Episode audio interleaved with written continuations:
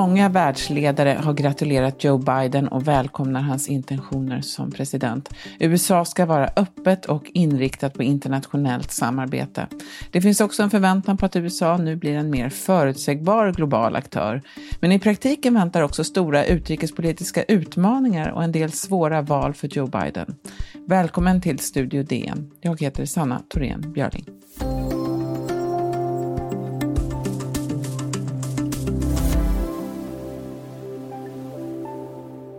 Embody my core beliefs that America is strongest when it works with its allies. That's how we truly keep America safe without engaging in needless military conflicts and our adversaries in check Ja, den inkommande presidenten Joe Biden säger att han vill ha mer samarbete och mindre konfrontation. Men Donald Trump i Vita huset höll många andan och upplevde att världen blev en potentiellt mer osäker plats. Det blev ingen utrikespolitisk kris som blev Trumps största, utan en pandemi. Men USAs roll i världen blev en annan under Trump. Med oss att prata om vad vi kan vänta oss av Joe Bidens utrikespolitik har vi Mikael Winjarski, utrikeskommentator på DN. Välkommen! Tackar!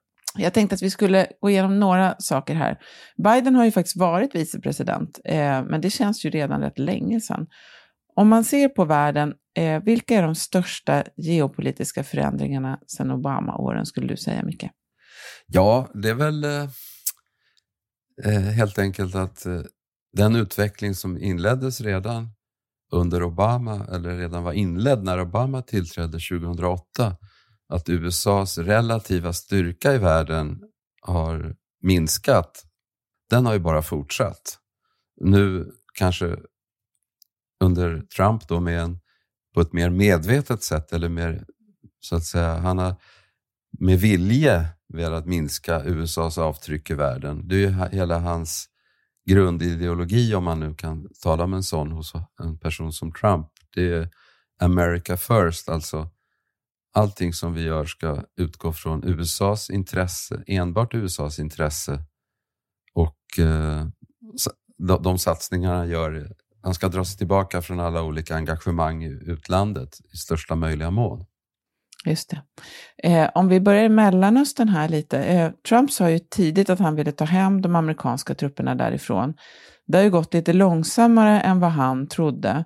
Men precis nyligen, alltså efter valet, så sa Trump plötsligt att alla utom 2500 trupper ska hem före den 15 januari. Det har ju uppfattats som ett ganska godtyckligt beslut som kan få rätt så förödande konsekvenser. Vad skulle du säga att det här betyder för Joe Biden? Ja, det är väl Trump försöker väl på något sätt låsa in Joe Biden för lång tid framåt i saker som eh, han inte kan ta sig ur. Liksom. Eh, till, han, till exempel de här trupptillbakadragandena i Mellanöstern, om vi, om vi talar om någon slags eh, Mellanöstern i vidare mening, alltså vi talar om Irak, vi talar om Syrien, vi talar om Afghanistan till och med, som inte brukar räknas till det vanliga Mellanöstern, till Mellanöstern alls. Där handlar det om att eh, truppreträtterna därifrån, de kan ju inte göras ogjorda. Det är inte som att Biden plötsligt ska skicka tillbaka tusentals nya soldater igen till de här krigsskådeplatserna. Och det, det tror jag, fast han kanske skulle vilja, eller USA kanske skulle behöva det. Men jag tror inte Biden, jag tror Biden är rätt bekymrad över det här. När det gäller Irak så där är ju problemet att USA egentligen behöver fortsätta balansera Iran, som även Trump har alltid varit väldigt bekymrad över. Men om man drar bort nästan helt och hållet därifrån, då lämnar man ju fältet fritt då för de här Iranstödda miliserna. De brukar med jämna mellanrum beskjuta USAs ambassad i den så kallade gröna zonen i Bagdad till exempel. Sen när det gäller Afghanistan, där är det ännu mer komplicerat för det har ju pågått fredssamtal med talibanerna för att få ut USA äntligen ut därifrån efter snart 20 år av krig. Jag tror att det är väl i, i, i september, i oktober så är det 20 år sedan USA började kriget i Afghanistan. Så frågan är då på vilka villkor det ska ske. Om fredssamtalen med talibanerna pågår ju fortfarande och om USA drar så lämnar ju, då är det den här väststödda regeringen i Kabul, den kommer ju sannolikt bli försvarslös och så är det bara en tidsfråga innan talibanerna kan ta över igen. Mm, just det. Och det här 2500, det är ju då i Afghanistan, det glömde jag säga där, eh, som Trump mm. vill att de ska vara kvar. Han kickade ju sin försvarsminister Mark Esper på grund av de, att de såg Afghanistan på olika sätt. Eh, Biden har ju presenterat namnen på ganska många av de personer som han vill ha som ministrar. Men han har inte sagt än vem som blir hans försvarsminister. Varför har han inte gjort det, tror du? Jag vet inte, det är väl spekulationer här. Alltså, ja, just det, Trump sparkade ju Mark Esper nu alldeles nyligen för, för Afghanistan. Han sparkade, tidigare sparkade Jim Mattis som inte ville att, han motsatte sig att Trump eh, reträtt, truppreträtt från norra Syrien, där USA eh, under lång tid med hjälp av kurdiska förband där hade besegrat Islamiska staten och det här kalifatet. Vilket i sin tur öppnade då för Turkiets president Erdogan att invadera, köra bort de kurdiska styrkorna och skapa en ny sån här buffertzon där söder om Turkiets gräns. Alltså jag vet inte, alltså den, den nya försvarsministern, vem det nu blir, man talar ju om den här Michel Flournoy som är en sån etablissemangsperson som har varit biträdande minister tidigare. De kommer säkert vem det nu än blir så kommer den säkert dela militärens skepsis inför att ständigt backa ur från olika engagemang som USA deltar i, NATO förstås och, och en del andra. USA-baser finns ju på dussintals platser runt om i världen. Men samtidigt så är Biden är väl, han är väl förstås enormt medveten om att de amerikanska väljarna, de har ingen aptit för mera krig. Eh, och de vill nog att USA ska ta itu med sina problem på hemmaplan i första hand. Så jag har svårt att tänka mig att det blir... De vacklar väl mellan om hur, vilken typ av person de ska sätta på den här. Eh, det är väl det som har gjort att de inte har utnämnt någon ännu. Ska det bli en sån här skjutglad liberal imperialist eller ska det bli en mer försiktig person som vill vara, ja, fortsätta lite mer åt det här isolationistiska hållet eh, men ändå är väldigt förankrad i det här säkerhetspolitiska etablissemanget. Det, det, är möjligt att det är det som gör att man dröjer med utnämningen. Just det, han kan ju få svårt att få igenom dem eh, i senaten också om det, är, eh, om det blir en fortsatt republikansk majoritet där vi får se. Jag vet att flera, både hon Flournoy och även Jay Johnson som ju var eh, minister för inrikes säkerhet tidigare, båda de har ju kontroversiella kopplingar till vapenindustrin. De sitter i eh, styrelserna för stora vapen, eh, amerikanska vapenföretag. Eller för, försvarspolitiska, försvarsmaterielföretag ska man säga. Vad det här betyder för världen och för Biden ska vi alldeles strax prata mer om.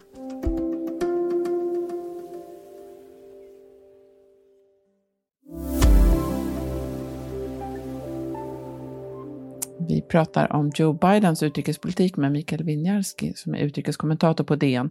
Världen har ju redan börjat förhålla sig till Biden Trumps nyckfulla beslut hör ju dit, men vi ser också en utveckling i Mellanöstern som verkar vara avsedd faktiskt att påverka Biden specifikt. Eh, mordet på den iranska kärnfysikern eh, Mohsen Farizadeh förra veckan, som verkar vara utfört, eller i alla fall kan ha varit utfört av israeliska underrättelsestyrkor, eh, kan ha varit ämnat precis att sabotera möjligheterna för en fortsättning på kärnenergiavtalet med Iran. Eh, Mikael, vad innebär det här för Biden? Ja, alltså det här är ju Trumps eh, så att säga, avskedspresent här till sin efterträdare. Eh, mordet på den här eh, Farisad Sadeh, eh, det är säkert avsett att liksom, måla in Biden i något hörn eller göra, begränsa hans handlingsutrymme.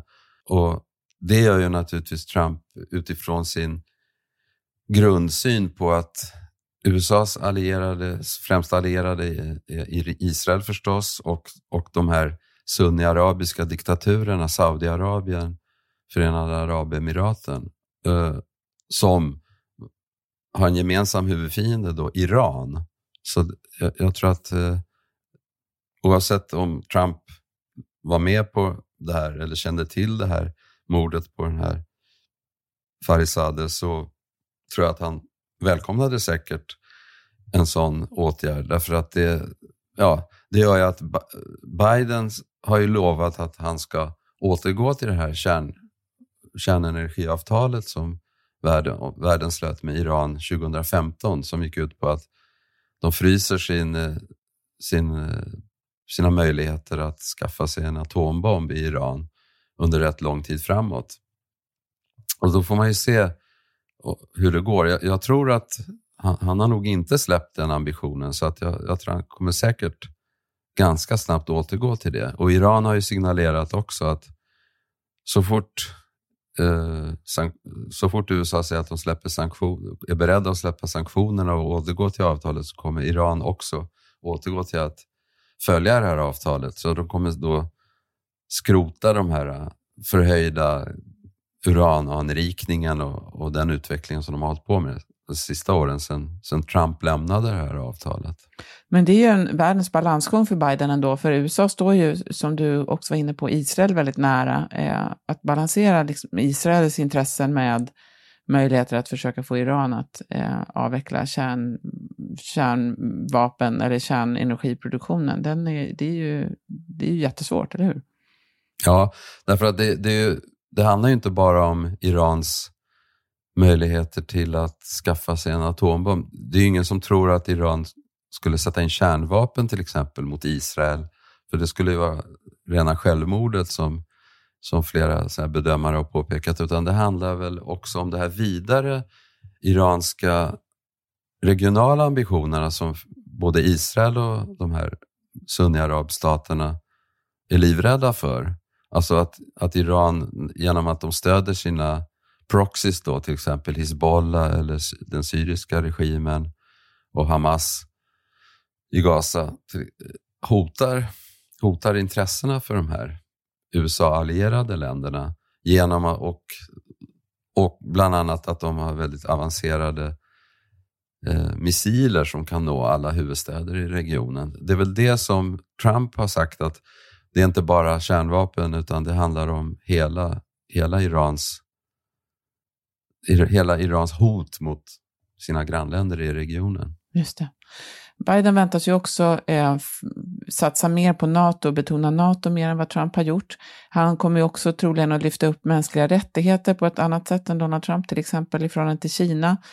Men just när det gäller mänskliga rättigheter, där har ju USA sina egna fläckar. Och redan Obama sa ju att han ville stänga fängelset Guantanamo, men det gick ju inte. Eh, hur går den frågan för Biden, tror du? Alltså, Obama, han lovade att göra det.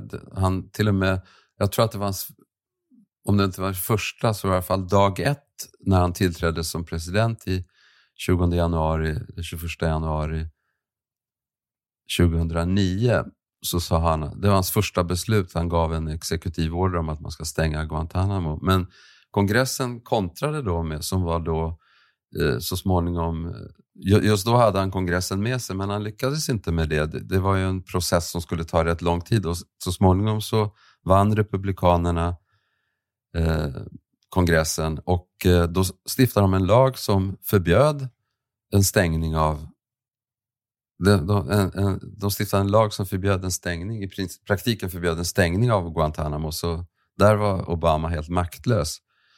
Eh, om, jag har inte hört, eh, jag kan inte påminna mig att jag har hört eh, Biden säga någonting aktuellt just om Guantanamo under valkampanjen, så jag vet inte vad han har för ambitioner där.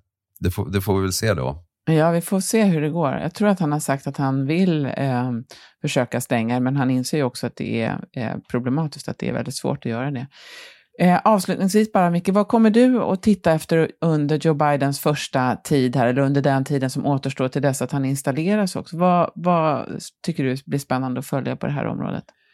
Nej, men det är väl det, det vad är det för typ av utrikespolitik? Vilka, vilka lärdomar drar man av det här att stor del av amerikanska folket faktiskt stöd, väldigt stor del, och till och med 2016 valde in eh, Trump som president.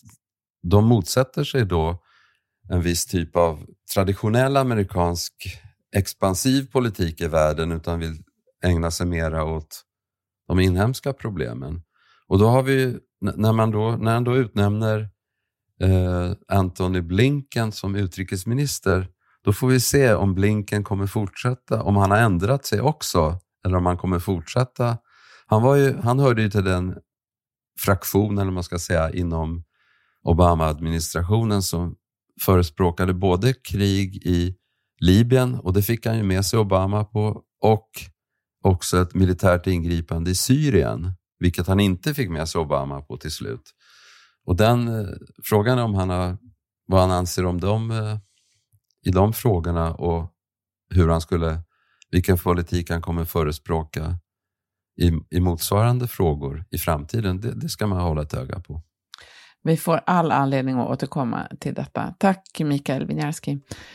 Imorgon ska vi prata om det ökande antalet arbetsplatsolyckor inom Försvarsmakten och vad som kan hända när någon där omkommer i tjänst. Studio DN görs för Podplay av producent Sabina Marmelakai, exekutiv producent Augustin Erba, ljudtekniker Patrik Miesenberger och teknik Jonas Lindskog, Baromedia. Jag heter Sanna Thorén Björling.